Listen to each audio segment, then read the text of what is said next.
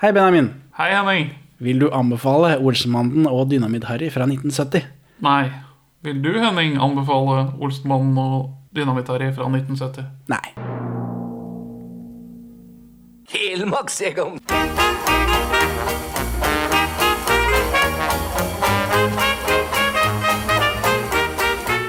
Perla for svin.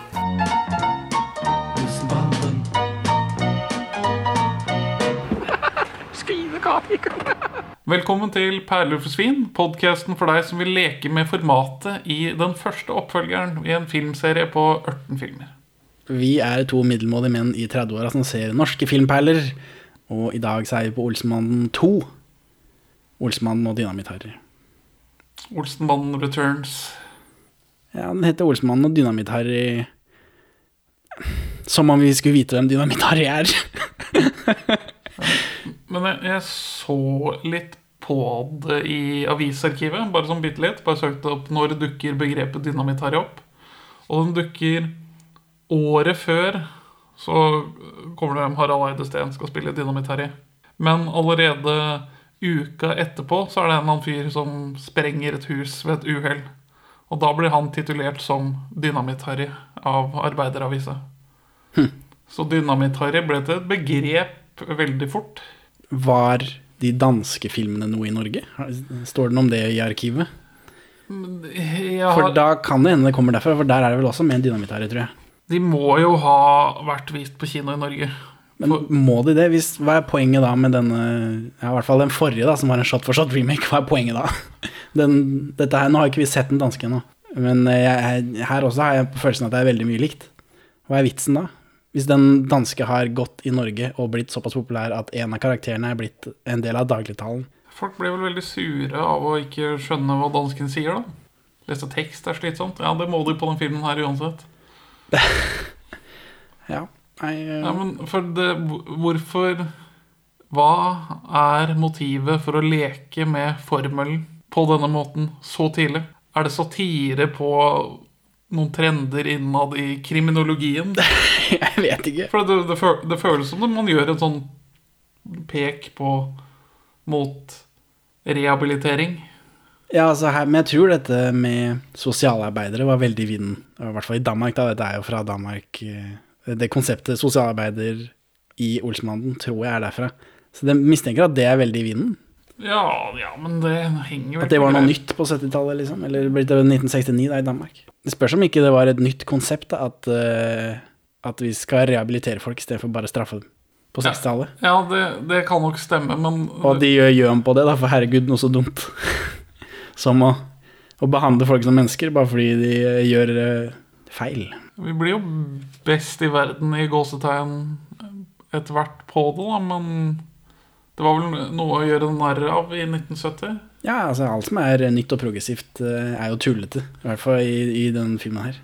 Ja, det, det, er, det er noen satiriske elementer som er litt sånn vanskelig å gripe om. Man føler at de gjør narr av et eller annet, men helt hva er litt sånn Det blir kanskje litt borte 50 år etter. Ja, for hva var den økonomiske krisen i Norge i rundt 69-70? Vi har nettopp funnet olje. Ja, jeg vet ikke. Det spørs da om det kanskje var en økonomisk krise i Danmark som de bare har tatt med seg over i manus. Eller uansett, når man lever, så føler man at man er i en økonomisk krise, gjør man ikke det? Man glemmer jo ikke den siste økonomiske krisen før den nye kommer. Nei. Sånn som, og nå er det, det er nedgangstider nå, men det er fra 2008. Denne siste liksom nedturen. Nå, akkurat nå så er det korona, men eh, da blir det neste. ikke sant? Men fram til korona så var det også alltid det var nedgangstider, fordi det gikk så dårlig i 2008. Ja, på 70-tallet så får man litt oppgangstider når eh, For det er vel i 1969 eller noe sånt husmødre får rettigheter for første gang. Ja, men eh, vi ser det nå herfra, at Ja. da fikk, gikk det oppover. Men fra 2008 til 2020 så gikk det jo bare oppover da altså. Kapitalismen er en løgn, og den vil ikke løse verdens problemer. Nei, nei, det, altså, det vil knekke, men enn så lenge så går det bare oppover. Og så får vi sånne små knekker hele tida, men så går vi alltid og tenker på den siste knekken, så det føles ut som vi er i nedgangstider hele tida. Eller? Ikke enig? Har Jeg tror kanskje det er det det er. ja, Og jeg vet ikke om den Ja, så det kan hende det er fra Danmark, da. Dette med at de har, det er nasjonal krise de må selge kronjuvelene. Men Jeg vet ikke hvor godt uh, innarbeida den olja er i folkesjela. Jeg vet alle at nå har vi funnet olje, og vi er helt griserike, og det kommer aldri til å bli problemer noensinne igjen. Er det, vet de det allerede, eller tar det litt tid? For det, det, Norges personfond utenland, det kommer vel ikke før i 2001, eller noe sånt? Ja, det tar, det, det tar tid. Ja, man var ganske nøkterne på det helt fra begynnelsen av. Ja, kan hende. Det er spekulasjoner 50 år senere, da, så det er ikke så godt å vite, kanskje.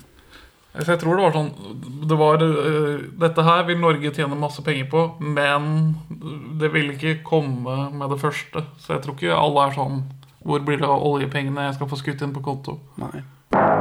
Er ikke så like til. Det skal huet til. Skikkelig planlegging i alle detaljer. Jeg har en forglemmelse fra uh, den første Olsenmann-filmen. Jaggu. Og dama i, uh, i pornosjappa. Den gamle, eldre damen i Ja. pornosjappa. Det er jo Kari Disen. Jaggu. Det glemte jeg å nevne. Det er jo tanta til Harald Eidesteen junior. Ja. Har, har ikke vi sett den i noe annet? Jeg Jo, i, hun blir eh, forgrepet seg på i, i Den forsvunne pølsemaker. Men av sin eh, mann i virkelig liv, så da var det liksom greit. Ja. Ernst Dissen. Ernst. God gamle Ernst. Hun er også da selvfølgelig tanta til eh, Anne Marit Jacobsen. Ja. Hun skurken i øh, Stjernestøv-serien. Og ikke sett Stjernestøv, for jeg har ikke barn. Hun, er, hun dukker opp i Orsmann 14, hvis ikke jeg tar helt feil, i en sånn birolle der. Men eh, det tar vi når vi kommer så langt. Hun, er, hun er en av skurkene i Stjernestøv. I Ja. fall. De er i slekt eh, alle i norsk kulturliv. Det kommer vi innom flere ganger i løpet av en film her. Men det kommer et, eh, call, et callback til den forsvunne pølsemaker i denne filmen òg. Ikke bare Altså, i den første Olsenbanden så har vi Barrat en som skurk. Ja, det er ikke callback, det er bare de har casta den samme fyren Ja, Og så bruker de samme location en gang som i den forsvunne pølsemaker. i den første filmen. Nei, i denne? i denne. Ja, Hvilken location er det, da? Så er. Taket på Gerang hotell. Hvorfor sier man Grang og ikke Gran? Jeg sier alltid Gran, men uh, du er jo, bor jo i Oslo, er mer fancy enn meg. Jeg bor på østkanten i Oslo, vet du. Da begynner man å prate som de rundt deg. Det går opp for meg mens jeg sitter og klipper den første Olsemann-poden vår, at du var ikke innforstått med at det skulle være en blåkopi. Trodde du For for jeg visste vel at det var en sånn shot for shot remake, men det visste ikke du. Du ble veldig overraska og, og støtt, egentlig. Eller? Jeg fryktet en blåkopi, men jeg satt ikke på informasjon om at det var en blåkopi. Nei. Jeg antok at det var en blåkopi, ble, men jeg håpet jo at den norske Olsenmannen skulle være noe mer. Eller poeng. Ja, for det er jo det vi tror, vi her oppe på Bjerg. Ja, men med poengtellingen fra sist, da. Hva var det du kom frem til? Jeg kom frem til 17 poeng til den norske og 12 til den danske. Men med tung eh, Bias Bernhoft på at vi er nordmenn. Veldig tung Bias Bernhoft. Så, men på Twitter da, så jeg, kommer jeg til å legge ut disse eh, sammen med når vi slipper en episoden om den danske, så kommer jeg til å legge ut Excel-skjemaet mitt, og der står det også hva vi gir poeng for. Ja. Han skal sikkert bare bort og tisse. Basse er ikke med i den filmen her. Nei, Basse er borte, men Basse er død. Lenge leve Basse. Jeg tror det. Kaller de han Birger her? Nesten. de gjør det. ja, jeg, Eh, Det er en når eh, Kjell kommer hjem og har fått seg jobb, og Aud Schønmann har brukt masse, masse penger, så roper hun på Birger hele tiden. Hun sier Birger mange, mange ganger, fordi han må komme med sigarer og øl og sånn. Så Kjell har tre, tre barn i forfilm. Det er Birger, Basse og lillebror. Nå er eldstemann, som da het Birger, borte. Eh, lille, lillebror er også borte. Basse er igjen, men han har fått navnet til Birger som en hyllest til sin avdøde storebror eller noe sånt. Jeg vet ikke. ja, men, eh, Men det er bare den filmen her, så vi trenger egentlig ikke å tenke på det. Men det må jo nevnes, selvfølgelig. han innregistreres som Basse. ja, ja. Jeg er trent på at dette er Basse. Ja, ja, så vi kommer til å si Basse, men her, akkurat den filmen her så heter han Birger. Og jeg skjønner ikke hvorfor. Hva med ungen til Benny, da? Nei, den eh, Ulla er heller ikke her, så jeg regner med hun har tatt den og dratt. Ja. Det er en helt Det kan jeg se for meg. Hadde de nevnt det, så hadde liksom det vært greit, det. Men eh, det kan jo hende at Benny har drept henne i kaldt blod. òg, er det ikke mm, Ockhams Racer, da er det ikke lettere å tro at hun bare har sett at å, faen, det er den skrottypen her Det er halliken min jeg har barn med. Jeg, jeg må ut av dette forholdet. Og så har hun tatt med seg ungen. Ja, Men det er litt verre med, med Kjell og Valborg, for de er jo der begge to, og de har igjen en unge. Hvor er de to andre? Det hendte jo at folk ga bort unger før i tida. da Som var på sånn her, ja, Vi kjenner et par som sliter med å få kids, og vi har to for mye. Det, eldste er jo konfirmert. Han er jo på skjønn eller noe sånt. Han Ja, er jo det er sant. Men ja, lillebror. Lillebror kan hende vi gikk bort, men, en eldste, Birger, han er nok død. Men grunnen til at jeg vurderer hvorvidt Benny har drept de i kaldt blod, er fordi denne filmen viser hvor lett Olsenbanden tar på å ta liv. ja, vi kommer vel til det. Hvor mange så denne filmen første uka? 400 000. Den satte skandinavisk publikumsrekord med 117 470 mennesker første uka. Ja. Men skandinavisk publikumsrekord, så den er større enn den danske på kino. Tydeligvis. Det er dette trikset til Bovimen og Team Film må ha norgespremiere alle steder samtidig. Jeg tror det er prem norgespremiere en sånn syv-åtte steder, ja. Jeg tror det var ni på den første. ja. Denne publikumsrekorden resulterer i 558 324 kroner første uka, mot 388 865 kroner eh, på den første, første uka, da. Altså Olsmann 1. Men, men, men det er rart at disse, de to som vi har sett nå, er veldig Det er ikke det vi forbinder med Olsmannen. De er ganske utypiske av Olsmannen-filmer, syns jeg, da. Du, du, ser, du ser på meg som om du er uenig, men, men de er helt utrolig populære, og så er det, så er det ikke dette disse filmene blir senere. Nei, er At ikke de har holdt seg til det, det som vi ser nå, at ikke de har holdt seg til det. At ikke det er pupp i alle filmene. Ja, for det er mye pupp. Ja, her er det ikke så mye pupp, men det er litt. Ja, men det, her, det er disse postkortene Det er egentlig mye bush. Å, så mye bush i Ja, min norske barnefilm. Det er de stusslige postkort. Er en, her er det én scene, den forrige filmen er basert veldig mye på pupp, men at ikke de har holdt seg til det når de er helt utrolig populære i denne formen, men så utvikler det seg til å bli noe ganske annet. Ikke helt annet, men ganske annet. Det syns jeg er rart. At, at disse som vi sitter her, og i hvert fall jeg, da, dømmer nedenom og hjem, at de er så populære, eller var så populære i sin samtid. Man hadde jo ikke noe sånt å sammenligne med. da Nei, men hvorfor har de forandra det, tenker jeg? Hvorfor har de liksom eh, De leker jo med, formatet som bare pøkeren. Ja, hvorfor det, hvis den første er så populær? Ja, det, ja, det, hvorfor, ja, hvorfor gjør du ikke bare det samme om igjen? Ja, jeg vet ikke, er det, har, det er, vel, er, det er det kreative folk som har lagd dette? Jeg skjønner ikke. Nei, Det er uvant. Uvant i norsk sammenheng. Men er dette en av de som har annen regissør? Ja. For den er regissert av Ove Kant, en svenske. Hæ? Svensk skuespillerregissør. Eh, Han har lagd mest svenske ting, men han har også en birolle i Nydelige nelliker. Sus og dus eh, på byen, forløperen. Ja. Og Ifølge den boka jeg sitter på her, så var eh, Bovim utslitt, sykemeldt og tidvis innlagt på sykehus. Fordi Eh, fordi rett etter Olsemannen så lager han vel Skulle dukke opp flere lik her, så er det bare å ringe. Ja, for den kommer ut samme år. Ja, det er 1970. Så han, eh, han var vel overarbeida, da. For han er, etter dette så er han på plass igjen. Og han er med i den filmen her. Spiller de den parallelt, eller? For det er ikke så mye Aud i denne. Det vet jeg ikke. Vet ikke. Jeg, ser, jeg, jeg så i hvert fall at de kom ut omtrent samtidig, og det er veldig lite Aud Schønemann her. Det er det. Men det kan hende det har noe med danskene å gjøre. At det kommer derfra. Ja. At ikke de har kutta ned. Men det finner vi ut av når vi ser den danske, selvfølgelig. Men uh, noterer det bak øret. Er det mer Yvonne i den danske? Så er det bare å ringe. Ja. Dette er vel den eneste filmen hvor Olsenmannen ikke begår noen forbrytelser. Ja, det er jo den De bryter jo loven. Ja, det gjør de, men det er ikke de De stjeler jo ikke noe. Det er ikke de gjør ingen kupp. Det begynner med at Egon får skylda for et, eh, en, noen andres bankran. Han forsøker på et bankran, da. Ja, ja, men han gjør det ikke. Det er forskjell på å, å ville ting og faktisk utføre ting. Ja, fint. Og så eh, senere så er det jo disse gangsterne som, som stjeler ting, og så får de skylda igjen. Men det er jo ikke de som faktisk har gjort det. Så det er dette formatet, da.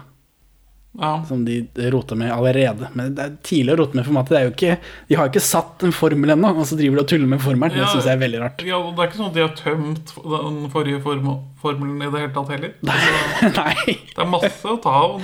Bare Ja. Men jeg vet ikke, kanskje det er det at ikke eh, Henning Bas og Erik Baling, de som skriver manusene, om de ikke hadde fått formelen inn ennå. At det er derfor det har blitt eh, At de har i Gåstein tullet med formelen fordi de ikke har formelen inne ennå. At det har vært vanskelig for dem å, å få dette til å gå opp, akkurat denne filmen her, uten at jeg har eh, sett noe til det. At det har stått noe om at det var vanskelig å få til dette. For de har jo lagd denne et år etterpå, liksom, men at de har Kanskje det har vært en vanskeligere fødsel, en trangere fødsel på dette enn de senere. For det virker som det har gått ganske smooth.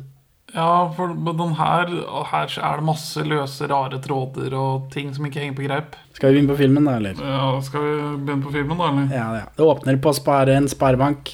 Stabæk Sparebank. Stabæk sparebank. Sikkert nedlagt. Helt sikkert. Kjell gir Egon en gunner. Så tenker jeg ok, nå eh, her Dette var Min Olsmannen bruker ikke pistol. Men så viser det at det er en vannpistol, men det ser jo ikke sånn ut. Det ser ganske sånn ut. Nei, Det ikke det første, er ikke det første når han tar den opp av den veska si og så gir den til så Da tenkte jeg at nå, så her skal det drepes. For det trente øyet ser man at det er en Luger-kopi og ikke en ekte. Ja, ja det er klart, for det tre, trente øyet. Og så er den finlandshetta tilbake. Ja, Når vi blir introdusert for Olsmannen i den første filmen, så har de finlandshette på. Ikke så veldig effektiv finlandshette. Dette er Forsvarets med åpning for hele fjeset. Men er, er det også få en voiceover av den, denne planleggings-voiceoveren? Men det høres ikke ut som Egon. Jeg la ikke merke til det, så jeg tror Jeg syns det var litt sånn Ok, for, ja, jeg ble bare litt sånn hmm. jeg, jeg kunne lukte at det skulle skje noe uh, uforventet der. Ja. For, men nå skal Egon uh, Han raner. Han skal jo bare, det er et stick-up, bare. Det er jo ikke det er ikke, det er ikke sånn han pleier å gjøre det. Det er ikke det jeg forbinder med Osman, at de bare At de gjør småbrekk. At de raner folk på åpen gate i en bank. da har, Man skal jo bare peke på folk med pistol og si 'gi meg penga'. Det, det pleier å være mer komplisert. ja, det pleier å være en større plan enn gå inn, peke pistol Få penger. um, Men eh, det kunne hende det var et sånt uh, Et brekk de må gjøre for å få uh, penger til det større brekket, som de ofte også gjør. Men, når Egon skal gjøre dette alene, så skal Benny og Kjell være på utsida. Og Benny skal selvfølgelig kjøre bilen, for det er det han gjør. Men det, at han gjør dette alene også, virker eh, For det er fremmed for meg, for de går alltid tre og tre. ja, ja, det, ja, nei, det henger ikke på greip.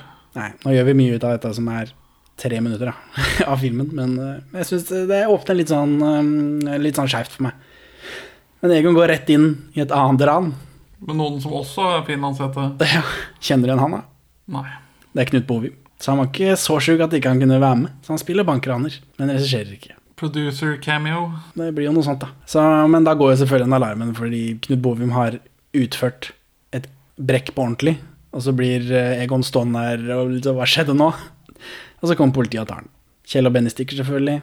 Veldig gjenkjennelig løping fra Kjell. Ja, det, Veldig klassisk Kjell-løping. jeg vet ikke hvorfor var Kjell på utsida av bilen. Det skjønner jeg ikke. Hva er det han gjør? Skal han vente på at han kommer ut, og så skal Egon legge pengene i veska hans? Er det Ja, det som er greia? han har jo Det kan han gjøre inni bilen. så-. Whatever. Det har ikke noe å si. Men så kommer riktig musikk. Riktig musikk. Enda godt, for den forrige musikken er ikke bra. Kari Simonsen er over Aud Schønemann på rollelista. Ja, det stemmer jo i tid og rolle, egentlig. Annet enn at uh, Valborg er fast inventar, så stemmer det jo i De bruker mer tid på uh, Kari Simonsen i filmen her enn de gjør på Aud Schønemann. Ja. Og Kari Simonsen er jo mer sexy. Ja, du tror det er derfor. Ja, hun er jo filmens Sexsymbol. Ja, Ubestridte sexsymbol. hun snakker om sex. Hun har kort kjole på seg. Ja, dette er jo Men hun må jo røyke som et uvær. Hun har jo det samme Kari Simonsen-fjeset. ja, Hun ser veldig røkket ut. Hun er 32, tror jeg. Eh, eh, ja, 33. Ja. Ja, eh, altså Kari Simonsen Vi kommer vel til det når hun dukker opp, men ja, nei, jeg- vet ikke hva jeg skal si om Kari Simonsen akkurat nå. Vi får se. Men vi, får, vi får vente til vi kommer dit. Eh, Benny, Kjell og Basse, som nå heter Birger, står og venter med flagg og greier, men uten bilen. Det har vel blitt nye regler for den gata der, eller noe? Den kan hende. Og så går Egon en annen vei. Han går ut av fengselet, og så snur han, og så går ikke han mot Kjell og Benny. Ja, Han tar en uh, hardt til venstre. Ja, her tenker jeg, det, det, det er tidlig å begynne å leke med formatet. Ja, for dette, dette er, er ikke så etablert. Vi har sett det skje to ganger i forrige film. Ja. Jeg Egon går en annen vei fordi han skal hente Kari Simonsen. Bodil Hansen. Bodil Hansen. Kari Simonsen, jeg har prøvd å selge lodd til henne. Oi! For jeg var telefonselger for Landsforeningen for de trafikkskadde, og da ble jeg automatisk satt over, for det er sånn du bare sitter og glaner, og så kommer det opp en datamaskin som ringer for deg. Og da var det Kari Simonsen, hun ville ikke ha lodd. Fy faen. Fy faen. Hun spiller flere roller i Fleksnes, selvfølgelig. Hun er Solan i Flåklypa Grand Prix. Den har ikke du sett. Nei, det er sant. Eh, Hun spilte i Hotell Cæsar. Gjertrud Kråkstad, mora til Svein. Ja, hun, hun husker jeg. Ja, Svein som er med på alt. Jeg er Svein, og jeg er med på alt. Hun er med i Vesensten-serien, og takk for det. Så hun er en sånn Vesensten-dame. Og da er det lett å bli hacka inn i Olsenmann-filmer også. Der er det mye. Det er en del crossover. Og så har vi sett henne i Absolutt blåmandag. Ja. Som sagt, alle i norsk kulturliv er i slekt. Så Kari Simonsen er inngiftet i Cappelen-slekten. Forlagsdelen, ikke narkotikadelen. ja. Gjermund Cappelen forresten har stjålet navnet sitt, kriminell som han er, fra sin kriminelle samboer, som også har tatt navnet i voksen alder, og hevder da at hun er en del av den slekta, men det er hun altså ikke. Og heller ikke Gjermund, da. Så Men det, så det er flere enn 200 personer som heter Cappelen, da, siden de kunne gjøre det. det er veldig mange Cappelen rundt omkring. Eh, Men Kari Simonsen er jo da var gift med Peder Wright Cappelen, Cappelen fordi han har vært rusla, eh, som eide forlaget som ga ut Kjell Aukrust sine bøker. Så hun er dermed stemor til Sofie Cappelen, som vi kjenner først og fremst fra Hotell Cæsar.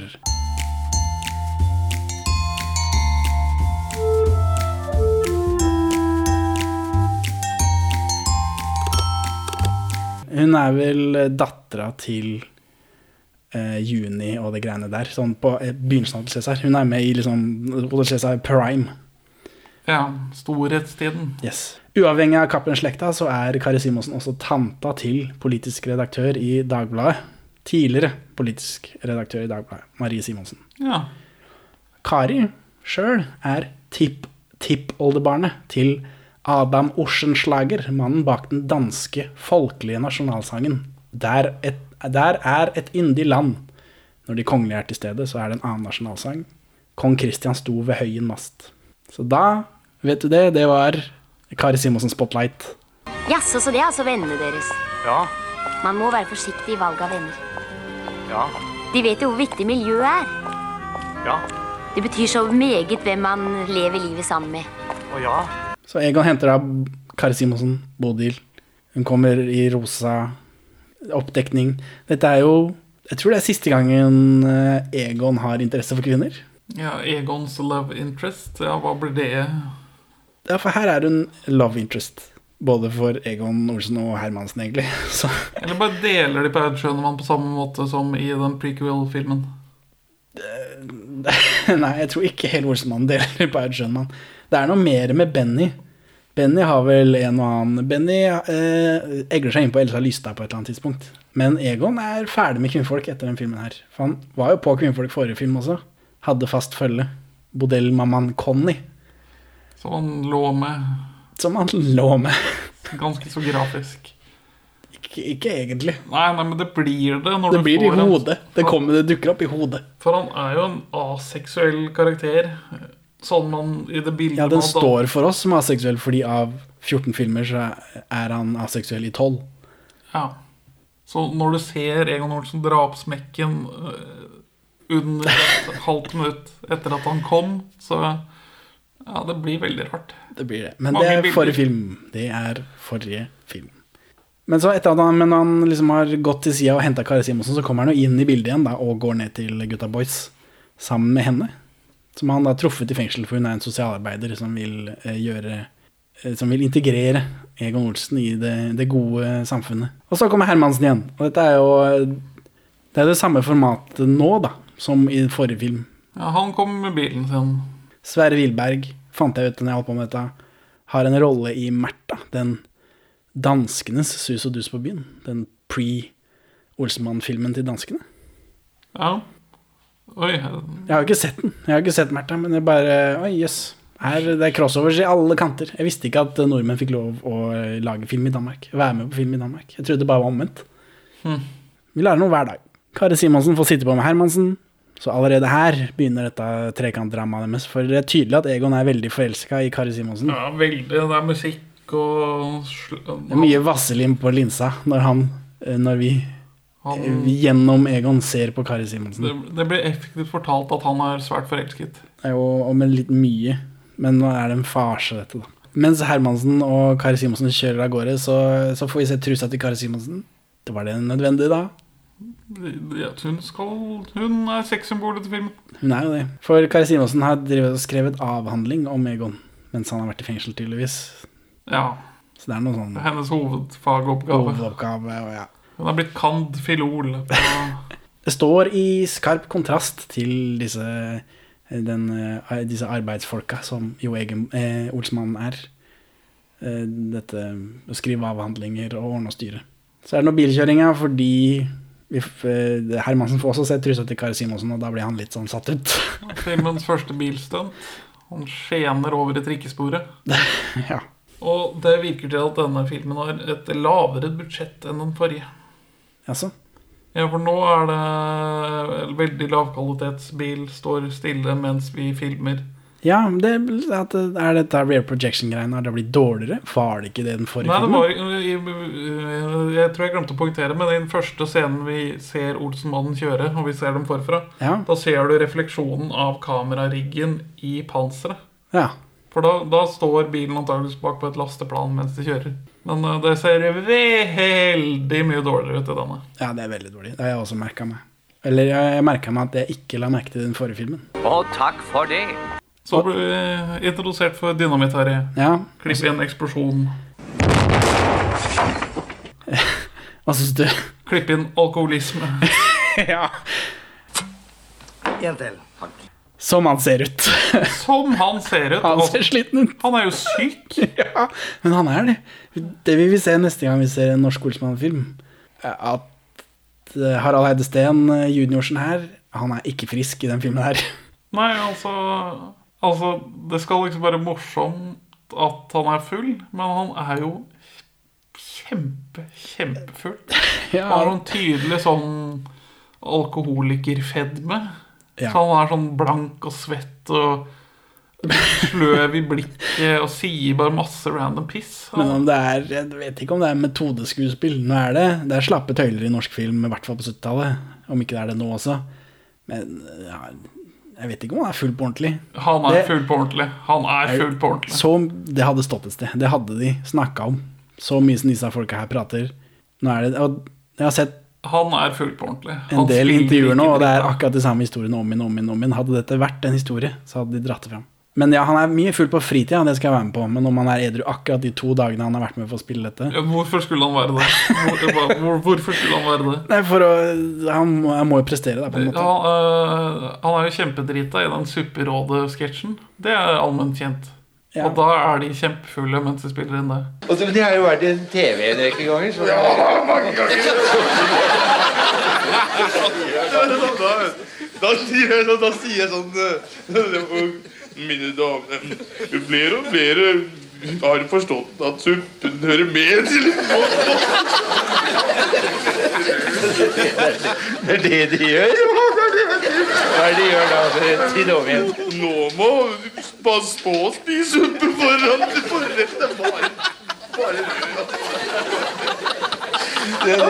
Ja, nei, det skal jeg ikke uttale meg om. Jeg har troa på Harald Heidsten, at han klarer å At han har litt vondt i hodet de to dagene han har spilt her. Eller eh, Det- uka, eller hvor lenge det var. Det har ikke jeg tro på. Han er så full i alle scener han er Men han ser sliten ut.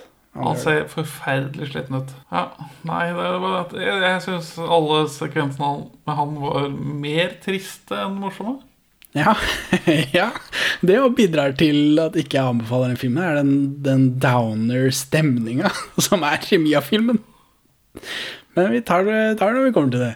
Men da får vi i hvert fall introdusert Dynamitt-Harry, og at det er noen sprengninger og greier. Og Egon har lagt i seg noe tics, for det virker som han sliter veldig med å holde seg på den smale sti, som Ja, han gjerne vil gjøre pga. Kari Simonsen Han er stolt av eksamenskarakteren de fikk.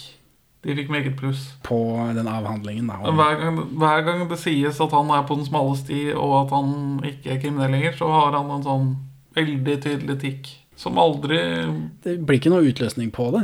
Men de bygger, de, i hvert fall den første tredjedelen av filmen, så er, den, er det med. Han, liksom han han skulle- mister vel bare tikken når han går tilbake til det kriminelle. Ja, men jeg trodde Eller- liksom at det var at det det var bygd opp til at han skulle knekke på et eller annet tidspunkt. Jeg hadde liksom Nå blir jeg superkriminell. Ja, det hadde jo vært gøy. ja, men det skjer ikke. Men, men nå er vi inne på denne kafeen, da. Og der er, på, der er det en plakat på veggen som sier at Egon har vært i fengsel ti ganger. Men de nevner det ikke. Ja, vi får noe årstall på første gang Egon ryker inn senere. 1962. Den kaféverten dukker opp igjen, da. Selv om jeg tror det er en annen kafé skal være. Willy Hoel. Han har tre Olsemannen-filmer til i seg, men dette er siste gang han dukker opp som kafévert. Ja. Han spiller alt fra mann med helsetrøye til brannmann. Så det er liksom Det er gjenbruk av skuespillere. Mye gjenbruk av skuespillere i denne filmen her. Men han går jo da fra å være en karakter til å bare bli en fyr som går forbi. På gata, liksom. Ja, eller eh, han har ikke Det er ikke alltid han har replikker. Men for dette her virker som Det virker som han skal være en gjennomgangsfigur, og så dropper de det bare. Fordi de gjør ham på formatet igjen. Ja, for, For det kafégreiene blir borte. for det er liksom basen deres, og så er hjemme hos Kjell basen deres, og så Men etter dette så blir den kafeen borte, så da er det bare hjemme hos Kjell som er basen. Riktig valg. Ja.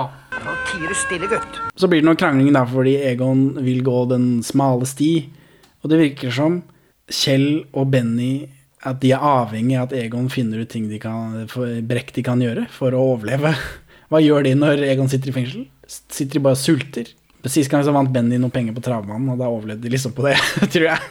Men eh, så når Egon har bestemt seg for ikke å gjøre flere brekk, så blir de såpass uvenner at eh, Egon blir utstøtt. Ja, det virker jo til å ha lagt ned hallikvirksomheten, så de har ikke noe sånn eh, jevn cashflow derfra. Ja, de prostituerte er borte.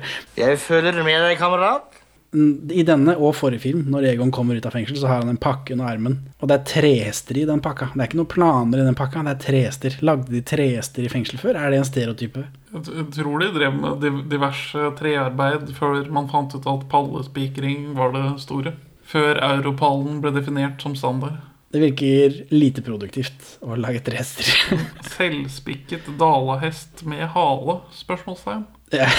ja, det er sånne svenske hester òg. Men eh, Egon eh, går jo da innom kontoret til, eh, til Kari Simonsen. Kari Simonsen sykler i denne filmen, og hun sier selv at det var det vanskeligste med selve filmen, var å sykle, for det hadde hun ikke gjort på lenge. Hun kom på en veldig snasen sånn kombi deluxe-variant. ja. Det liker jeg. Ja. Fin sykkel. De er udødelig udødelige, disse klassiske kombiene. Så men inne på kontoret til Kari Simonsen der, så kommer det jo fram at Egon har ingen venner lenger, for han har brutt med det kriminelle miljøet, for nå skal han være liksom Han har frigjort seg fra sitt miljø. Altså tappert, storartet. Og det føles veldig satirisk rettet mot sånn avisdiskusjon om at ja, vi vil få bukt med kriminaliteten, og vi bare tar de kriminelle ut av miljøene sine. Det er sånn Det høres ut som noe jeg har lest. Det er mye vaselin på linse her, da, når vi, når vi ser på. Og sånn Kari Simonsen. Romeo og Julie ser på hverandre musikk. Men bare fra Egon til Kari, ikke omvendt. Ja, ikke omvendt. Så det er litt, eh, litt viktig. Men siden Egon har frigjort seg fra, sitt, eh, fra sine kriminelle venner Så her fikk jeg Det er igjen den der deppa, den ned Lave stemningen i filmen. Er det Jeg trodde ordsmannen var venner også. Ikke at det bare var et økonomisk samarbeid. Jeg trodde de var venner, og så er det mye krangling, og sånt, men så finner de alltid tilbake fordi de er venner. Og så kommer politiet, og så stikker Kjell og Benny av fordi de er feige, men de er fortsatt venner for det. Ja, Vennskapet er vel bygd rundt kriminaliteten som en sånn Altså det er kriminaliteten først, og så vennskapet senere. Ja. Og hvis man hvert tar- her. Så raser det hele som et korthus. Så det syns jeg Det likte jeg ikke. Men Egon får seg jobb Ja. på Ringnes bryggeri. Det er mye Ringnes-reklame i den filmen her. Ringnes-reklame. Og så er det Modern Times, Charlie Chaplin, vi, vi, man drar inspirasjon fra her. Jeg fikk veldig sånn fransk følelse. Tati. Jacket Tati.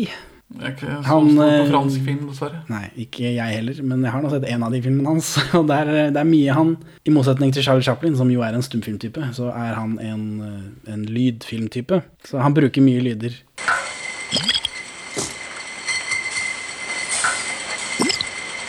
Det er jo ikke tale i disse fabrikksekvensene. Nei, nei. De går uten lyd og har veldig mye morsomme syntlyder. Veldig mye Det er nye, store lyder. synter som lager rare lyder man ikke har hørt før. Ja. Jeg fikk en fransk følelse, da. Nå er ikke Men det kan godt hende at det stemmer. At det er bare folk alle, I alle europeiske land så er vi enige om at rare lyder i ting som ikke skal ha rare lyder, er gøy. Ja. Det har gått litt ut av tiden. Det er, veld, det er veldig mye av det. Det, ve- det er flere av disse sekvensene med rare lyder, og det er ikke så gøy at du trenger Nei, det fem minutter med det. Og så er det liksom noe parodi av liksom fabrikklivet, da, som får meg inn på den Modern Times. Når alle stempler inn, så kommer det en sånn veldig sånn trist lyd. Ja, ja. Så mens, eh, men, mens Egon jobber på bryggeri, så driver Kjell og synger i bakgården. Da tenker jeg, er dette Paul Bunkarsens skyld? Altså danske Kjell, som er operasanger. Det blir spennende å se den danske, og hvordan han synger. Men han er like god. Men dette også er en veldig trist scene, syns jeg. jeg. Jeg merker at jeg får veldig vondt av Kjell, at det gjorde jeg som barn også. At jeg syns veldig synd på Kjell. Han er alltid sånn Uansett hva han gjør, han gjør det alltid i beste mening. Så blir det noe dritt, han blir jaga, folk liker han ikke. Folk liker ikke Kjell. Jeg skjønner ikke det i disse filmene. Nei, han er jo så elskverdig og stusslig. Ja. Men jeg har en forklaring på dette. Det er på synge i bakgården. Hva, ja, Er du kjent med bakgårdssynging som konsept? Ikke noe annet enn Alf Prøysen og Anne-Kast Vestlis eh, barne-TV-serie som gikk lenge før jeg ble født. Romeo Klive Sandersen Olsen. Kanuten fra Kanutenland. Har du hørt, om begre har du hørt begrepet byoriginal? Det har jeg. En av Oslos mest kjente byoriginaler var Carl Rognstad, også kjent som Sving deg. Ja, dette er minst like relevant som eh, Romeo Klive og Nei, dette, og men, men, altså, denne, denne sekvensen er en direkte parodi på Carl Rognstads liv og virke.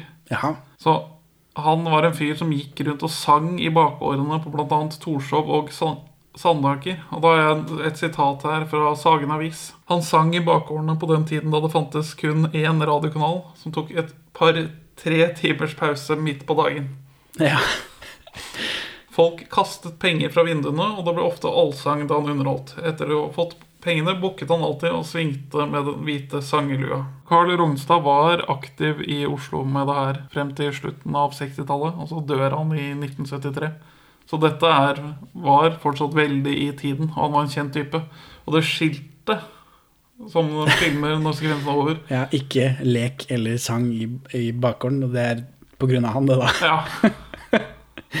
Så dette tror jeg ikke om, om ikke det samme var en greie i Danmark. Så Eller jeg tror fort vi i den danske versjonen kan få noe lignende, men ikke med den der samme Ikke med identisk bakhårspreg, men det vil nå tiden vise, da. Ja, ja. Og for oss som øh, jobber hardt for å bli byoriginal i Oslo for tiden, så, og dermed har lest seg opp på de gamle store Hva finner du åssen skal vi fatte dette? Jeg tror ikke det er så veldig mange andre Vi kan gå i bakgård og spille inn podcaster. Ja, det kan vi jo prøve oss på. Ingen podkast. Ingen podkaster i bakgården. Jeg er jo kun en fattig gatesanger som synger for å glemme sult og savn. Så man blir jaga, da, Kjell, fra denne bakgården, for det er ikke lov å synge der. For det, det virker som det kommer en fyr som skal ta han. Ja. Stakkars Kjell. Og Da er det hjem til Valborg, og Valborg syns selvfølgelig at Kjell vil få seg en jobb, sånn som Egon, for Egon har vært så flink å få fast arbeid. Lønningspose hver uke. Ja, det er viktig. Og da kryper Kjell til korset og ber Egon om jobb. Men dette er en sekvens uten tale igjen. Kun visuelt fortalt, og bekreftelsen er at Egon gir matboksen sin til Kjell. Ja, men det var helt greit eh, og øh, dynamisk. Det er spenstig, på en måte. Det er noe annet enn bare Nei, ikke at de faktisk sier det. Jeg, jeg trenger ikke at de forteller det til meg. Nei. Jeg får opplevelsen av å se på en film. Film er et visuelt medium. Det er nettopp. Og da er det, det er en jobbsekvens til, da, med plinging og plunging og flasker og Ja, for det, jobben til Egon er å plinge på flasker. Og kommer det plong, så blir det kassert. Ja. Mens jobben til Kjell, som det virker som han sliter litt med, er å ta flasker opp fra en kasse og legge på samlebåndet. Og det er ikke noe humorpoeng her annet enn lydene. Nei. For det er ikke, det er ikke her Kjell sliter så mye at ting begynner å gå i stykker skikkelig. Nei. Du ser han har litt problemer, for han er Kjell, bare. Det er sånn han er. Han har litt problemer, han. Så ja, nei, unødvendig. Jeg skjønner at det er gøy, men det er ikke gøy så lenge. Det er ikke gøy så mange ganger. For dette er ikke siste gangen. Nei. Vi er ikke ferdig. Nei. Men Kjell får iallfall lønn, da. Og det I konvolutt, selvfølgelig, for det er sånn man fikk i gamle dager. Og blir han litt sånn spretten i gangen. Så kommer han hjem, og så blir han behandlet som en Som en konge. Men før han- vi kommer så langt, så det er dette første gang vi ser trappa til leiligheten. Ja, det kan fort være. Jeg tror det er første gang vi liksom ser den bakgården deres. Det, det varmer av en eller annen grunn. Selv om jeg aldri har bodd i en sånn bakgård, så blir jeg veldig varm når jeg ser det. Ja, det virker Ja, det er noe, det er noe koselig over det. Så kommer han inn, og, og Aud Schønmann roper mye på Birger. Tenker jeg, Birger eh, han eksisterer jo ikke lenger, men det er selvfølgelig Basse. Og så her er det avisen, Birger. Og skal du få sigar, vet du. Som skal tenne for deg, Birger. Ja da, ja da. Ja, kom Er ikke riktig kald ennå. Kjell får øl og sigar av Valborg. Og Valborg har allerede da brukt masse penger på TV og kjøleskap på avbetaling. Så kjøleskap var ikke vanlig i 1970. Tydeligvis. Ikke i arbeiderstrøk nødvendigvis. Det var nok mange Det var vanligere med spis og sånt. Vi har jo ellers en avtale, Skal de kanskje, til middag. Men det kan godt vente, det. Hermansen driver også og sjekker opp Kari Simonsen. Og så går vi brått fra det til Dynamitt-Harry. Og Dynamitt-Harry har en læregutt, og det er Ulf Wengård. Han så vi sist som eh, deputy. Han ene deputyen med, Ja. med replikker i den forrige filmen. Og Ulf Wengård er med i ni Olsmann-filmer. Her spiller han uh, Dynamitt-Harrys læregutt. Og Forrige gang så var han politi på Ponni. Han insisterte ofte på å ta små roller. Henki Kolstad sa om han at han ikke ville ha rolle med mer enn ti replikker. han var selvfølgelig da leder i Norsk Smårolleforbund. Hæ? Ifølge IMDb så var han også det eneste medlemmet. Men de var ute i 2013 og, og klaga på lønna til stand-ins i Lillehammer også, så de eksisterer ennå. Så jeg vet ikke om jeg, Det er mulig det var flere medlemmer enn bare han. Eh, Men og i den kapasiteten som leder der, sånn, så søkte han på jobben som kringkastingssjef etter Einar Føde. Men fikk ikke den, da. Trist. Men her går det opp i lys for meg, for i den forrige filmen så sier jeg at han ofte spilte postmann. Men altså, målet med denne prosjektet er jo å sjekke min fars hypotese om at de norske filmene er bedre enn de danske. Og når jeg tenker etter, så er det det at han spiller postmann ofte, er noe jeg har hørt av min far.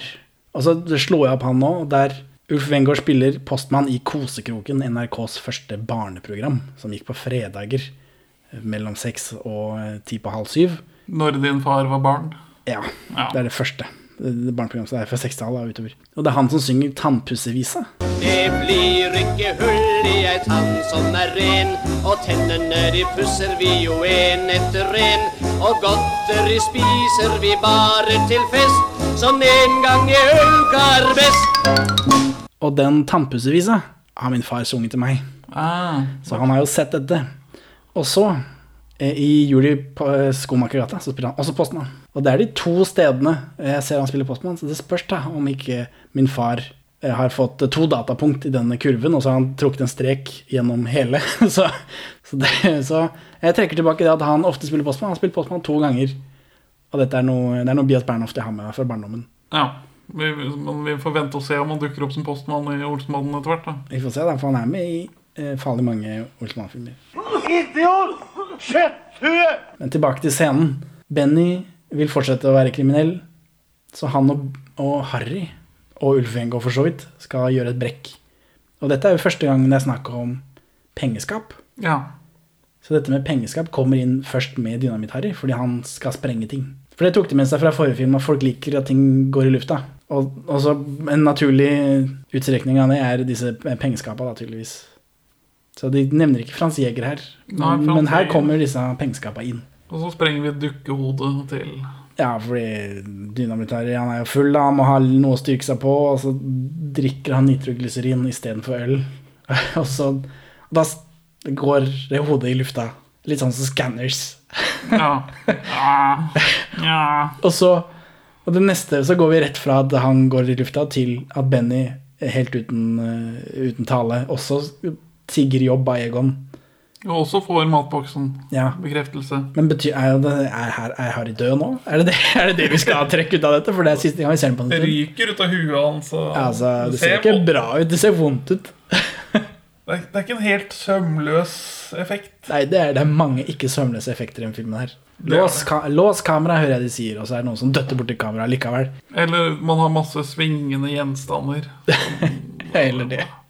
Eller vi klipper bare inn noe fra scener i filmen. Vi kommer til det. kommer til det. Kanskje du kunne tenke deg å holde kjeften på deg ett lite sekund? Kari Simonsen kom på besøk på fabrikken, og da mister Egon fokus, og alle de andre som jobber der, begynner å sjonglere flasker. Ja, dette, dette blir veldig norsk revy Ja. Søppel med lydhumor. Ja, og, Men også, før Kari Simonsen kommer, så er det også en lengre sekvens hvor de bare jobber alle tre på fabrikk, som Pling, de ikke plong, trenger. Pling, plong. Men så kommer Kari på besøk, og så går alt bare til helvete. Og folk som vi ikke kjenner, men som bare jobber der, de begynner å sjonglere. Er tre stykker, og én driver og balanserer tre flasker på huet. Ja, jeg vet ikke hva dette er. jeg. Jeg vet ikke hva det er. Men hvorfor faller samlebåndsproduksjonen sammen av at knipseren slutter å knipse oppgaven sin? Jeg vet ikke, Det er ikke noe her som gir mening. Hvorfor begynner alle å sjonglere? Så da får de sparken alle sammen, tror jeg. For sånn kan man ikke holde på. Og da, kommer, da er det tilbake på kafeen. Og Egon er tilbake på kredittlista, siden han ikke har fast arbeid. Ja, Og Harry lever, så da, da ble jeg letta. Dette er en sekvensen hvor Kari Simonsen og Olsmannen drikker seg drita. Ja. Det er snakk om noe resosialisering, at å drikke også er det. Jeg ble overraska over at hun som liksom skal være en sånn uptight uh, dame, Ja. byråkrat, at hun også drikker seg drita med disse skurkene. Men det er jo hyggelig, det, da. Eh, Helt til det ikke blir så hyggelig lenger, fordi Benny får liksom skylda for alt. Ja, det er mye gråting. Ja, Så begynner folk å grine, og det er veldig det er dårlig stemning i den filmen her. Til å være en komedie. Kjell griner, selvfølgelig. Nå hadde jeg for vondt i hjertet mitt. Og så griner Egon, det klinger litt falskt i meg. Og så begynner Benny å grine også, og han er jo tidemann, så det er liksom det å røre med meg. Hva er dette, tenker jeg. Det er jo ikke, det er ikke hyggelig i det hele tatt. Det er ikke gøy, dette. Ja, Kari har et sitat om at eh, traumer låser opp psykiske spenninger, akkurat som et barn som betror seg til sin mor. Altså, det, det er noe humor på psykologi og at å snakke om ting liksom skal kunne gjøre noe bedre. Det er sånn ha, ha, ha. Eh, Men det virker som Hermansen venter på Kari Simonsen på utsida av kafeen fordi de skal på date eller noe sånt. At de Ja. har en avtale f- før dette som ikke vi har fått se, da. Før, liksom. Og det er også noe syntorgelmusikk over her, for Bovim har leid en synt, og den skal få full utdeling for. Ja. Så, men Harry er innom her og prater. Han har ikke hatt eh, far eller mye til mor. Men det gjelder vel også Benny, da? Virker det sånn? Han hadde, han hadde, en, hadde vært dårlig med mor, og han hadde bare hatt en liten stetante. Og, og, så det, Benny også har vel hatt den samme stetanta. Eh, Hermansen blir snakket til av en prostituert, og så rømmer han, da. Ikke bry dere om meg, dere. Jeg kan godt gå i skogen og dø, jeg. Nytter ikke allikevel. Kari er full, ja. Og så er Harry er veldig deprimert og suicidal. Og, og han også gikk innpå meg som barn. At, den, at han var så trist hele tida. Det er veldig dårlig stemning, også, men så får vi også noe mimring. Altså, Ja, de begynner å fortelle om sine første brekk. Og når Eller Benny legger ut om. Benny legger ut om at det første Harry gjorde, var å stikke av med frimerkekassa til Fettsund Aksjebakeri, eller noe annet. Jeg vet, vet ikke. Jeg tror ikke disse historiene er canon når vi går tilbake til Olsemann jr. Ja, ja, ja, ja, ja, ja, ja. Men et pengeskap han, som han prøvde å sprenge i 1962 Han stjal bare 62 kroner. Og så var det også i 1962 Egon åkte inn første gangen, sier de. Dopa en travhest hardt at den daua. Altså, så Benny fornærmer alle da, tydeligvis med å fortelle disse mørke hemmelighetene. Som egentlig bare er sånn morsomme historier om hva som skjedde første gangen. Men siden alle er fulle og i veldig dårlig humør, så er, er ikke det bra, da. Og da slår banden opp igjen. Ja. Så nå er de ikke venner lenger igjen. Og så kommer Hermansen og henter Kari Simonsen, og Kari Simonsen er veldig kåt. Veldig drita, veldig kåt, veldig gifteklar. Ja, for man må jo eh, gifte seg hvis man skal ligge sammen. Naturligvis. Det er i hvert fall sånn jeg pleier å gjøre det. Hermansen blir stoppa med å blåse en ballong. Det er sånn vi ikke gjør lenger. Det er jo moro gamle dager-ting. Ja, dette var en av få morsomme jokes i den filmen her. For den filmen her er ikke spesielt morsom. Dette, dette er dårlig. Og det er at eh, når han blir stoppa av disse to politisyklistene, så sier han mitt navn er kriminalbetjent Hermansen. Og da svarer politimannen at det er trist å se en kollega i en slik situasjon. ja. Istedenfor å bare Å ja, jeg kjører videre, da. Se her skal du ha en pinne, sier han politimannen. Vær så Ja, det er kanskje det som er hovedvitsen her, at de faktisk stopper alle politifolk. ja. Men så dagen etter så er det litt sånn en blåmandag for Kari Simonsen, for hun har vel angret seg litt Ja, på at hun har vært så absolutt blåmandag for Kari Simonsen. Absolutt. Eh, Hun har jo angret seg litt på at hun var så, så kåt. Eh, For nå er Hermansen på.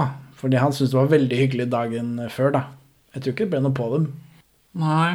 Men han syntes det var veldig hyggelig eh, dette. Han vil gjerne gjenta gårsdagen, da, men kanskje unnenfor litt mer ordnede rammer. Han er jo litt glad i ordnede rammer. Men eh, Kari Simonsen får jage han ut, da. Være litt sånn, sånn kvinneavvisende, men ikke så avvisende at det er, at det er fare. Nei, men hun ser veldig lettet ut når Hermansen drar av sted. Ja, at hun liksom dodga noe der. Så får vi noe hel, helt meningsløs exposition. Altså, det blir jo meningsfull etter hvert, men det henger, det henger fortsatt ikke på greip. Det henger ikke på greip nå. Nei, Vi blir introdusert for Serafimo Batz Mozzarella. ja, den amerikanske gangsteren fra Chicago. Og så klipp til kriminell gjeng som ankommer med fly. Eller går ut av et fly på Fornebu, mest sannsynlig. Eller i, på eh, parkeringsplassen foran Team Film AS. I gangsterantrekk. I sånn blotterfrakk Ja. og eh, fiolinkasser. Men før vi liksom Før det plottet har noe å si, da, så får Kari Simonsen ordna banden jobb i Statsbanken som vaskere. Jobb som vaskere, og han fyren som ansetter dem, han liker ikke å ansette skurker, så han setter de til å vaske Statsbanken av en eller annen mystisk grunn. Og da får vi se han vaktmannen da, som dukker opp i all verdens Olsmann-filmer. Men dette er første gang, tror jeg. Ja, han var ikke med den forrige. Vi har sett han i noe annet, men ikke Ja, vi så han i Tusenårsfesten. Og jeg som kjente han igjen. Du kjente han igjen, det er helt riktig. Men er det sånn Er det sånn Nokas-film, dette, tenker jeg? Er det her, nå skal de rane Statsbanken. Er det eh, Nå kjører vi! Er det liksom, for nå er, det, nå er de nedi dette hvelvet med masse penger og greier. Altså. Oh, så Bridget Jones var gisla bra. Så Bridget Jones var knallbra. For nå kommer disse gangsterne mens Olsmann driver og vasker. Så er det veldig komplisert gangstersetup. Det er noen båter Ja, det, det henger jo absolutt ikke på greip, for det, det er noen via båt, to froskemenn, som dykker. Ja, og så kommer de opp i, tydeligvis på andre sida av veggen til eh, hvelvet. Og så skjærer de seg inn i hvelvet som kjeks. Og så kommer det tre andre Og så lokker de opp Ja, det kommer flere. Men så lokker de opp døra på hvelvet fra innsiden. Ja, eh, om det går, det tror jeg ikke, men det er ikke så nøye. Og så går de gjennom Og så går de over gangen, og der er det enda et hvelv som de åpner opp med en magisk maskin. Ja, de har et sånt sci-fi-våpen og synthlyder. Ja. Så de peker på, og da Og, og så tar de det som er inni der, da. Men, men de andre gangsterne kommer, kommer inn i et bygg over gata. Som Ja. også går ned til det der hvor det er eh, havn, tydeligvis. Sånn underjordisk havn. Så de kunne jo bare sendt alle sammen inn gjennom den døra. ja, Men eh, jeg vet ikke hva det var for noe. Så, så det blir jo da utført et ran med Olsmannen i bygget mens han vaktmannen er på dass. Så når han vaktmannen kommer ut igjen, så har jo disse gangsterne har jo gått, og da får selvfølgelig Olsmannen skylda. Eh, og Olsmannen rømmer. De stikker ut gjennom det hølet i veggen, da. For de blir jo låst inne. ja, This is a setup. Eh, og Olsmannen foreslår at de må ringe til politiet, som er helt riktig. Helt Korrekt. riktig? Ja, korrekt. Gjør det. Men de kommer ikke så langt der, for de får skylda av han vaktmannen. Og her, Det virker som Egon har slutta med å gjenta ting eh, på engelsk. Og si ting på engelsk, og så har gjenta det på norsk. Men så senere i filmen så sier han 'easy'. Bruker han ordet 'easy' flere Ja, det, ganger. det brukes òg noe sånn meningsløs engelsk i den sekvensen. Harry sier noe på engelsk, og Jo, men spesifikt Egon, da, tenkte jeg. For det var jo han jeg tenkte på, eller la merke til forrige film. ja. Drittsekker. Men når de rømmer, så stjeler de en hestetransport, og så gjør de ikke noe med det før absolutt siste scenen, hvor Egon Olsen blir arrestert for dyremishandling, blant, annet, masse, blant masse annet. Nei, de bruker jo den hestetransporten for å komme seg til Fornebu når de følger etter disse kriminelle. Jo, men de bruker ikke den hesten. Det kunne jo fint vært en vanlig bil. Nei. Jeg skjønte ikke hvorfor. Jeg, for nå tenkte jeg at det- var en gag av et slag, men det, det er ingenting før absolutt siste scene hvor det er én meningsløs detalj som de fint kunne uh, droppe. Det var Det- rart. Det virka som sett opp til noe, og så skjer det ingenting. Og så er det en veldig slapp og dårlig PF. Men vi får se interiøret til Fornebu i all sin prakt, da. Ja, det var litt sånn annerledes før 11. september. Du Ja. kunne bare gjøre som man ville hvor, man, som helst på flyplasser. kunne man gjøre hva som man vil. Gjennom at de har på seg vaskeuniformer, så kommer de seg inn på bagasjeområdet og får stjålet en instrumentkassa. Ja, fordi disse juvelene, eller disse posene, vi vet jo ikke hva det er ennå, som disse gangsterne har stjålet, har de puttet i en sånn cellokasse. Og så stikker jeg. Det glemte jeg den nevne. En cellokasse som er helt utrolig vanskelig å åpne. Ja, en uknuselig cellokasse som selv om den ser ut til å være i et vanlig materiale, egentlig er i adamantium. Og... Ja, men det er i hvert fall humor, da. Jeg skjønner hva de vil. Men hvorfor, hvorfor står den kriminelle banden på taket av Fornebu? Hvorfor står de på tak Jeg vet ikke. Jeg vet ikke, Men denne, denne sekvensen så får vi sett en del fly, da. Men nå er jo ikke vi en flypodcast, vi er en togpodcast, så jeg har ikke noe modellnummer der. Men de får det til. Men veldig fort. Altså, eh, gangsterne kommer, fyller den kassa, stikker av gårde. Eh, banden får skylda, og så går det ti minutter, ikke det engang, med jakt, og så har ordsmannen den kassa plutselig. Så det var så fort og enkelt at de kjørte bare til flyplassen, og så gikk de inn og så tok de den. Jeg trodde i ordsmann, Mine ordsmannfilmer pleier det å være noe mer. Det pleier å være det kommer jo mye mer etterpå, men de pleier å være mer før de får til det de vil. Ja, her, har, her kunne de egentlig sagt seg fornøyd og omsatt innholdet hvis de ville, men de er jo fortsatt ute etter å renvaske det gode Olsenmannen-navnet. Så kommer eh, Kari Simonsen og ødelegger. Benny Forskilla. For nå tror jo Kari Simonsen at, disse, at de er skurker igjen. Så hun kommer jo da og, så, og bare og terger banden, så de blir uvenner med hverandre. Ja, truer Egon med mentalundersøkelse. Og... Ja, og han vil ikke undersøke seg psykolog. Jeg er ikke et skadd menneske. Det er det, det, er det, det er det som ligger under, at han ikke vil eh, eh, nedlates til å gå til psykolog. Ja, følelser det er noe å le av. At det er latterlig at man skal liksom snakke noe om det. Men disse gangsterne får tak i den kassa igjen, eller? Nei, først ringer Egon Olsen til politiet.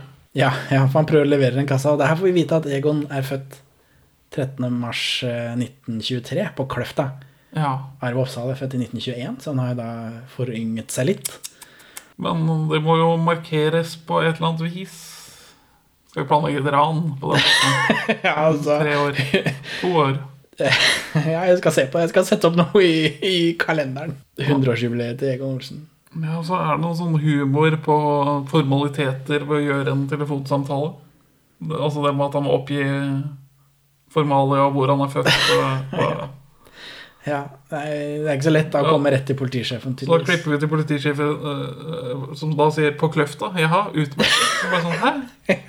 Men det var gøy. Ja, det var, det var litt, litt gøy, men Egon prøvde å, å eh, Han ringer politiet og så sier vi har, eh, nå har vi liksom eh, forteller hva som har skjedd, og at de vil levere tilbake. Men, men dette er såpass hemmelig, dette innholdet i den safen, eller i det hvelvet, som ikke vi vet hva er ennå, at, eh, at det, det eksisterer ikke på det har, papiret. det har ikke skjedd et ran. Nei, fordi det som lå i det hvelvet, det er hemmelig. Det var ikke der.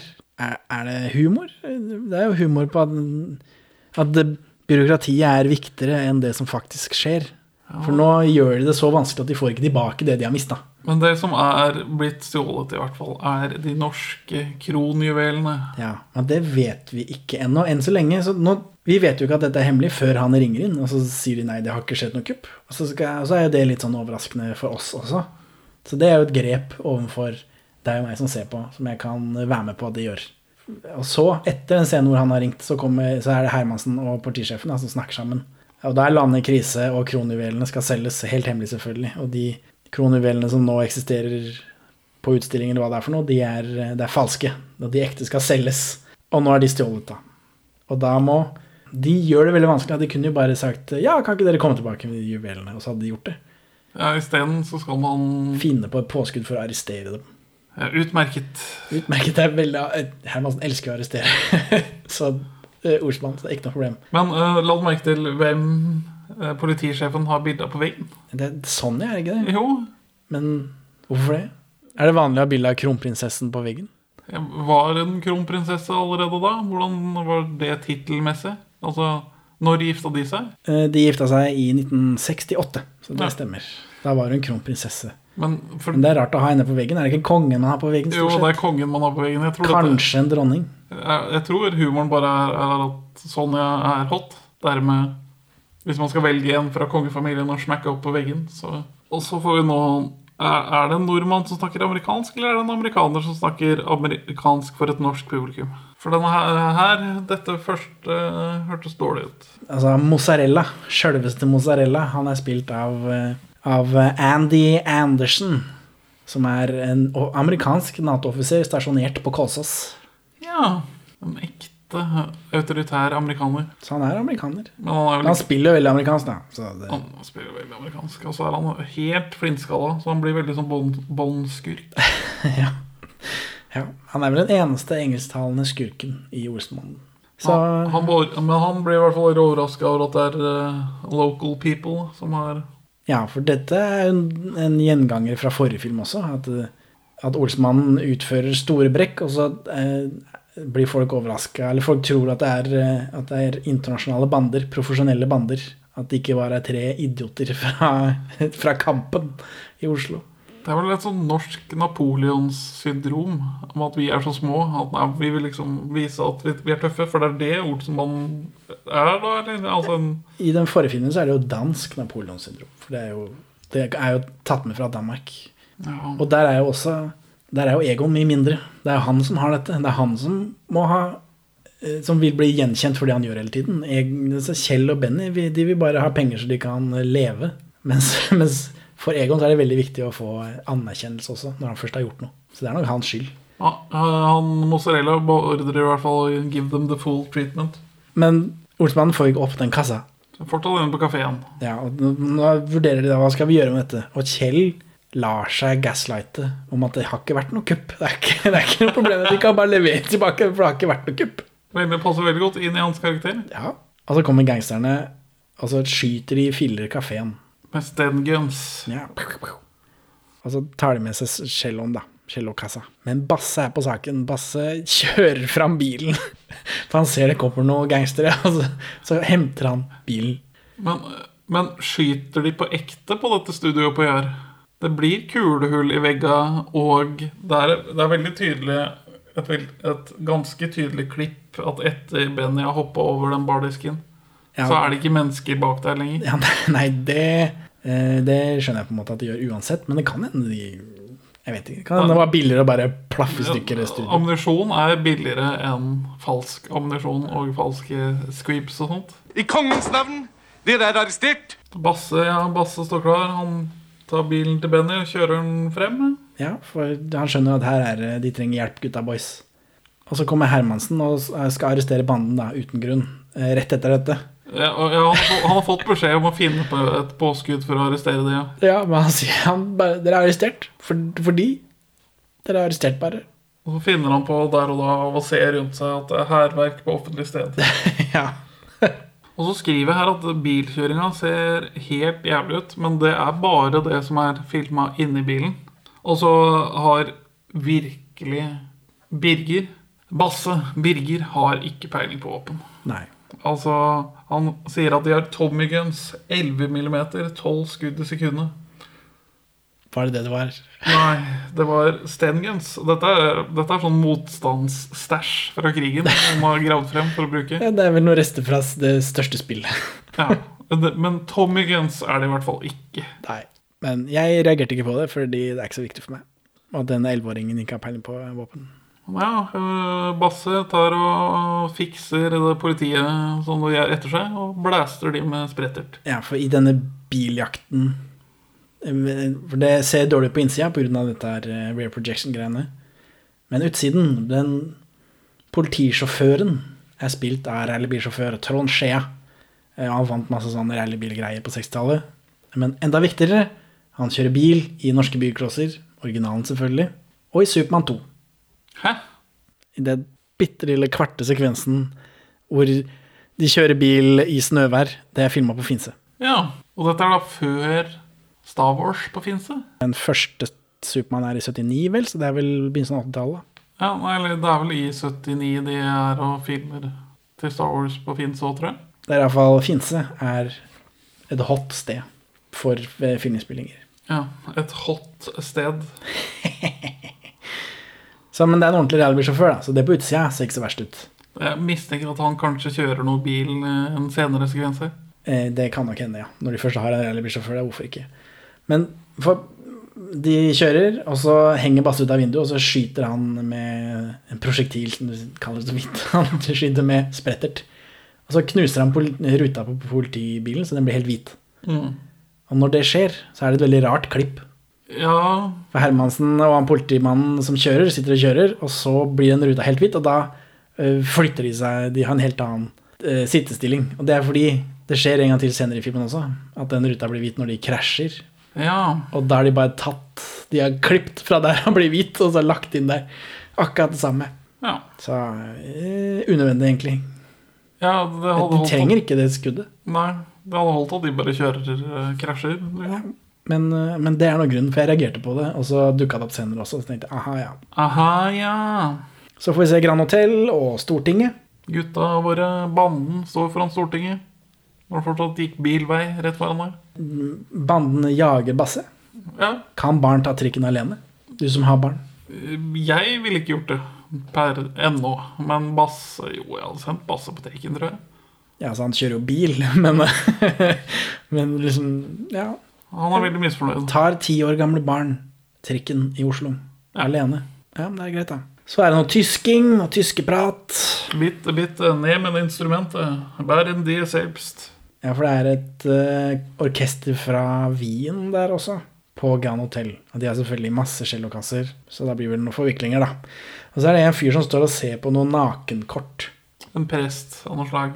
Jeg vet ikke om han var prest. Han hadde alpelue på. Han så ut som en prest, men om han var det Jeg tror det er det som er skal være stor humor her, er at presten står og ser på nakenpostkortene som er i foajeen til Grand Hotel? Ja. Er det, da Dalai Lama vant Nobels fredspris, hadde de nakenkort i hotellet i foajeen der, da? Jeg ser jo ikke for meg det. Jeg gjør ikke det. For det skal liksom være litt mer fancy. God dag. Jeg er den unge piken som I am the young girl who shall save your bed. Please. Og så er det Karsten Byring i drag. Det var ikke morsomt på noen som helst måte. For han kler seg som en stuepike da, og skal inn på dette rommet til de gangsterne. Men prøver Kjell å være sexy, eller uskyldig, Han eller hva er det han gjør? Han byr seg frem. Men på en sånn Jeg er en sånn uskyldig småpike Han er veldig rund. Ja, good day, I am the young girl who is gonna save your bed. ja, opp seg, redde senga. Ok. Men ja, hvorfor, hvorfor skal han liksom være ung? Nei, jeg vet ikke. Jeg vet ikke. Det er vel humor, da. Er dette representasjon, Benjamin? Nei. Nei, ok, greit da. Og rydde opp i det. For eh, han driver med det, og så kommer Regon inn og ordner med noe drikk og noe greier, for han skal være sånn eh, hovmestertype. Ja, for Benny har lokka med seg Lokka ned Ja, for Benny sier at 'jeg har cellokassa til Hjerta Bertha'. Han ringer opp og så sier 'jeg har cellokassa'. Men de vet jo at han ikke har den. ja. For de har den på rommet der. Hvorfor går de ned til han? Jeg vet ikke, men dette er i hvert fall Dette er forviklinger som er gjort med vilje. Jeg Ja. kjenner at det er stor forskjell på dette og disse forviklingene som Dette spanske flueforviklinger som bare irriterer meg. At kan ikke dere bare være i samme rommet samtidig, da, for helvete. Men dette er gjort med vilje. Det, det gjorde meg ikke så vondt som, disse, som Fjås til fjells og de greiene der. Nei, men det er dårlig musikk satt, og de drar det ut altfor lenge. De har ikke brukt spenningsmusikk. Det, ja, det går noe klassisk over som ikke fungerer. Ja, Det er jo fordi de, det er cello og noe greier, da. Men akkurat det forviklingsgreiene, helt ålreit. De må ut, da. Disse gangsterne må ut av det rommet. Og det hadde de ikke trengt fordi den cellokassa står i det samme rommet. Men, og så jager de han Benny rundt eh, fordi han har en cellokasse, og så tar de han selvfølgelig igjen, og så sier han bare 'Å, jeg spiller musikk, hva er det dere driver med?' It wasn't the min mening. I, ich play the cello. Ja, det, det, var, det var greit for meg. Det var vir- virkningsfullt. Det gjorde det det skulle, syns jeg. Det, de har hatt en ekte plan, i hvert fall. Men Egon snakker både tysk og engelsk. Ganske bra. Ja. Det er jo internasjonal bandekvalitet på gjengen. I hvert fall på Egon. Og så er det noe råkjøring rundt universitetet, og så på Grønland også, eller? Ja, dette, dette her er ganske Dette er filmens beste sekvens. For dette er råkjøring. Null fartstriksing. ja, for nå har Olsmannen har jo fått med seg den cellokassa, da. De har stjålet bilen til ranerne. Ranerne stjeler bilen deres, og så kommer politiet bak.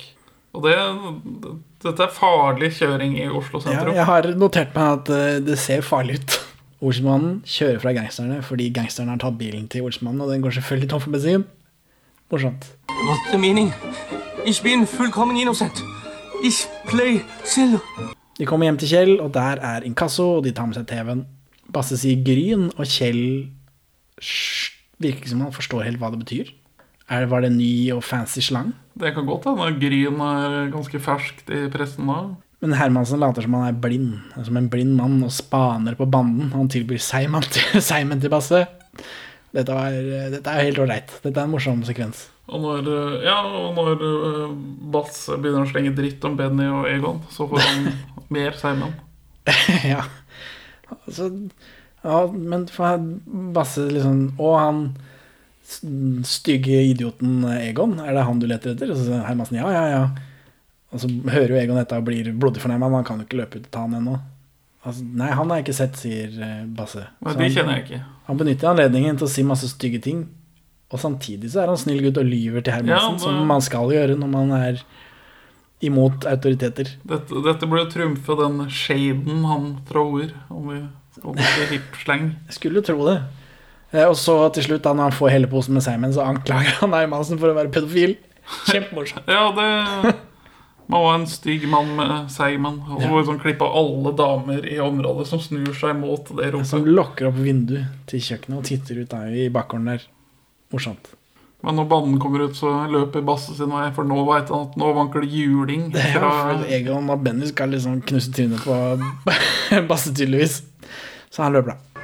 Er det deg, gutten min? Har du noe gryn? Mener du penger? Banden tar med seg Kjell og Kassa til kafeen, men Willy Hoel jager dem ut, for han har akkurat fiksa baren sin. Etter at disse gangsterne har vært der. Og så kommer selvfølgelig gangsterne inn igjen, skyter i stykker barn en gang til. Humor. Gjentakelse er det beste øh, grepet. ja, men så er det, det er noe som heter rule of three, Benjamin. Så vi får håpe da at de klarer å holde rule of three hva gjelder denne kaféskytinga. Så kommer så er han sjefgangsteren Mozzarella engasjerer noen tyskere, som også er gangstere. Eh, Ja, det er tidligere frontsoldater, turn gangstere. For han, han leier inn tyskerne spesielt fordi de har erfaring der oppe. Ja, i Norge, da. Ja, De har kjempet på norsk grunn tidligere. Og så får vi en trist silhuett av banden. De går og er triste på, på kaia der. Misfornøyd med stempla som uhederlige kjeltringer. Og så bestemmer de seg for å sprenge opp den cellokassa, for de klarer jo ikke å åpne den med brekkjern eller noe som helst. Og da kommer vi hjem til Harry. Harry er veldig opptatt av øl. Ja, Han vet jo ikke at han spiller en film. Nei, du mener at de bare har latt kameraet rulle, og så kom, kom hjemme hos Harald Eidesteen. Det er mye tomme ølflasker rundt omkring, så det er jo noen som har måttet tatt ansvar for å tømme dem. Så det er vel Altså, så, han går og leter etter denne ølen sin inni skuret. Det er fullt av øl overalt. De, han får ikke drikke Han får ikke ta den ene styrepilsen sin som han trenger når han skal sprenge. Og her tenkte jeg at danskene er så glad i øl. De tar øl til frokost. Ja, til lunsj og Og her nekter de Harry å ta den ene ølen. Hvordan håndterer danskene Harry? Han flyter vel i sånn tank som Luke er i i Star Wars episode 5. Bakta-tank. Bakta-tank med øl. Ja, eller Vi får se, da. Men at eh, men å nekte en danske å drikke én øl Jeg tror ikke en danske vil forstå hvorfor ikke, han kan, hvorfor ikke Harry kan utføre jobben sin med én øl innabords. Nei, det stemmer nok. Også, men vi har også et klipp til Hermansen som var og klager til politisjefen om at eh, Olsenbanden har begynt å skyte med skarpt. Så han får beskjed om å gå ned til teknisk avdeling og utstyre seg. Som føles som en et eller annet sånn parodi på at politiet nylig har vært litt harde på avtrekkeren i en eller annen sammenheng. Men jeg har ikke, ingenting. har ikke fått bekreftet det. Så nå er vi i et skur i et steinbrudd, og når vi er i et steinbrudd, Benjamin, da skal det sprenges. Så da vet jeg hva som kommer. Ja, For hver gang de setter et eller annet i en steinbrudd, eh, av en mystisk grunn i en steinbrudd, så er det fordi det skal en heidundrende eksplosjon til. Og hvordan er din ferdig da, gutten min? Han er det sikkert som i helvete. Eh, Men Kjell er veldig trøtt og sliten, så han sover inni dette skuret som står i det steinbruddet. Eh, Så det er jo like før han blir sprengt i lufta. Jeg trodde, de, jeg trodde først de skulle sprenge Kjell for å gjøre opp for at han ikke ble sprengt i den forrige. Ja, men, men nå er det plutselig Det er farlig med sprengstoff nå. Selv om Ja. de har sprengt eh, Harry i denne filmen og Egon og Benny i forrige film, så er det nå farlig. Eh, Men Så da klarer de da å berge Kjell ut. Eller Benny berger Kjell ut før, før Harry sprenger det skuret til helvete. Men, men hva skjer før det blir sprengt til helvete? da? Eh, Det kommer jo noen tyskere. Ja, alle tyskerne rykker inn i skuret. ja, ja, for de har, vet akkurat hvor de er hen. Rykker inn i skuret, eh, så går det til helvete. Hvor mange tyskere er det? Åtte eller noe? Det er noe sånt. Det er det er sånn klovnebilopplegg hvor det bare kommer masse folk ut av den bilen og inn i det skuret, og så går de i lufta alle sammen. Så, men det Det refereres ikke til noe mer. Jo, det burde jo vært Mozzarella får beskjed om at alle ble jo, jo, men det burde jo vært eh, likdeler overalt. Ja, nei. For, det eneste som overlever den eksplosjonen, er jo den cellokassa. Som knekker en bil på vei ned, så hard og tung som den er. Og da, når ikke den går i lufta, så kjefter Egon på Harry, og han blir lei seg og går. Veldig trist. Veldig trist. I mitt barnehjerte. Men det var også et klipp her av Bodil Hansen som blir røsket inn og tafset på av gjengen til Mozzarella. Ja, for her trodde jeg at hun skulle bli kidnappa og være sånn eh, dame in distress, men det blir hun ikke. Nei. For hun søker opp han fordi hun skal eh, ha mer særoppgaver i Amerika eller noe sånt. Nå. Og så er han tilfeldigvis i Norge, og hun bare hurra, han skal jeg eh, omvende. Hun har analysert bakgrunnen hans og Og så blir hun liksom Jeg trodde hun ble kidnappa, men ble ikke det. Hun bare er på besøk, og så forklarer hun Hun omvender han. Ja. Hun setter han ut på en smal Hun gjør det samme som hun gjorde med Egon, annet enn at mozzarella her virker ikke å være forelska. Nei. Så det betyr jo at Kari Simonsen er sammen med mozzarella når mozzarella kommer i dette helikopteret. For han, de vet jo hvor Olsmann er, og, at de har disse eh, juvelene. Ja, altså når han får beskjed om at uh, Olsenbanden har sprengt alle tyskerne, da gir han opp. Det er greit, jeg gir opp. Det, vi leverer bare tilbake. Og da tar han mozzarella, tar, han låser bare opp den kjellokassa, og så tar han med seg den kjellokassa, og så går han. Så leverer han de tilbake. Han tilbyr seg å selge de for kongeriket Norge. Mot en, en finnerlønn da, eller en Et lite gebyr på 50% Det blir ikke noe avklaring på det, annet enn at han, eh, politisjefen må snakke med noen høyere opp. Ja, Politisjefen blir veldig redd slash flau når Serafimo tilbyr seg Eller Mozzarella tilbyr seg å snakke direkte med kongen. I will call the states minister. Og det er liksom det, er det siste vi ser av dem. Når den delen av plottet er over. Så er vi hjemme hos Harry, og han skal ta livet sitt. Og Det er, det det er mørke greier, syns jeg. Men så får vi en payoff på at han drakk nitroglyserin i stad. For nå han fyller munnen med nitroglyserin og skal putte disse ledningene og skal sprenge seg, så er det øl han har tatt i munnen denne gangen. Ho, ho, ho. Ha, ha, ha. Enda Harry for denne filmen. Ja vel. Så er Egon på kafé. Willy Hole er bekymra, for han har akkurat fiksa barn igjen. Mens eh, Egon sier nei, nei, saken er oppklart, eh, det er bra, ikke noe problem. Og så sparker Hermansen inn døra. I en sånn full sånn bombedrakt. Ja, med med maske. Ja, ganske skummel maske. Og han plafla ned barn fordi han vil drepe Egon. Ja. Denne gangen. Som hevn for at han, Egon prøvde å drepe ham med tog sist, kanskje. jeg vet ikke. Og så kommer den der lange rekka med ting han har gjort da, i den filmen her. Dyremishandling, blant annet. Og, som var den der hestepayoffen, tror jeg. Ja, det blir vel det nærmeste. Ja, det er ikke bra nok for meg. Hærverk, bla, bla, bla. Egon rømmer, men han blir tatt med en gang, så jeg vet ikke helt hvorfor de gadd å ta med at han stakk. Nei, det The End. Og så, Benjamin, eh, var det filma en scene hvor eh, Kari Simonsen og Serafimo Mozzarella eh, drar til USA sammen. Hæ? Fordi hun skal gjøre særoppgave på han. Men det er klippet ut av denne filmen. Det fins bare et stillbilde igjen. Ok. Så da vet du det, at det var en avslutning på Kari Simonsen og Serafimo også, annet enn Serafimo hos, eh, hos han eh, kriminalsjefen og Kari Simonsen eh, surprise-kysser Egon og blir borte i solnedgangen. Never to be seen again. Men det er altså grunnen her for at hun drar til Amerika, men det får ikke vi vite. Nei. Hvorfor vil ikke du anbefale denne filmen, Benjamin? Fordi den er dårlig. Kjedelig og usammenhengende og rotete. Det eneste som gir meg glede, er Biljakten i Oslo. Som ene og alene er bedre bilfilm enn alle tre Burning-filmene. Olsenbanden er de norske bilfilmene, Henning. Her stjeles det biler, her gjøres det bilsendt. Politibiler hopper, skraper veggen. Her er det Volvo Amazon-politibil, da. Det glemte vi å nevne. Men ja, nei, denne her var eh, tung å se. Dette tok lang tid. 1 time og 43 minutter eller noe. Men uff. Nei, så hvis du skal se alt av Olsmannen, så kan du fint hoppe over den her. Så Henning, hvorfor vil ikke du anbefale denne filmen her? Det er eh, mye krangling og dårlig stemning. Jeg tror ikke det pleier å være sånn i Olsmann-filmer. Det det. Det det føles ikke som det er så veldig dårlig stemning. Det er alltid en krangel, men ikke hele veien gjennom. Drittstemning hele veien gjennom, liksom. Men eh, ja, det er mye dårligere stemning i denne filmen her enn de andre. Jeg liker det ikke. Og det vennskapet bandene imellom er ikke som jeg husker. Liker det ikke. Skal vi ranke den da? Nå har vi bare sett to. Den kommer da under den Ja. første, Operasjon Egon. Tro det eller ei. Eh, Hva er det vi lurer på eh, i forbindelse med den danske, da? Det ble jo uh, alkoholismen til den danske Harry. Jeg, tipper han var alkoholiker, men at ingen sier noe på det. Altså, Eller ingen sier det her heller.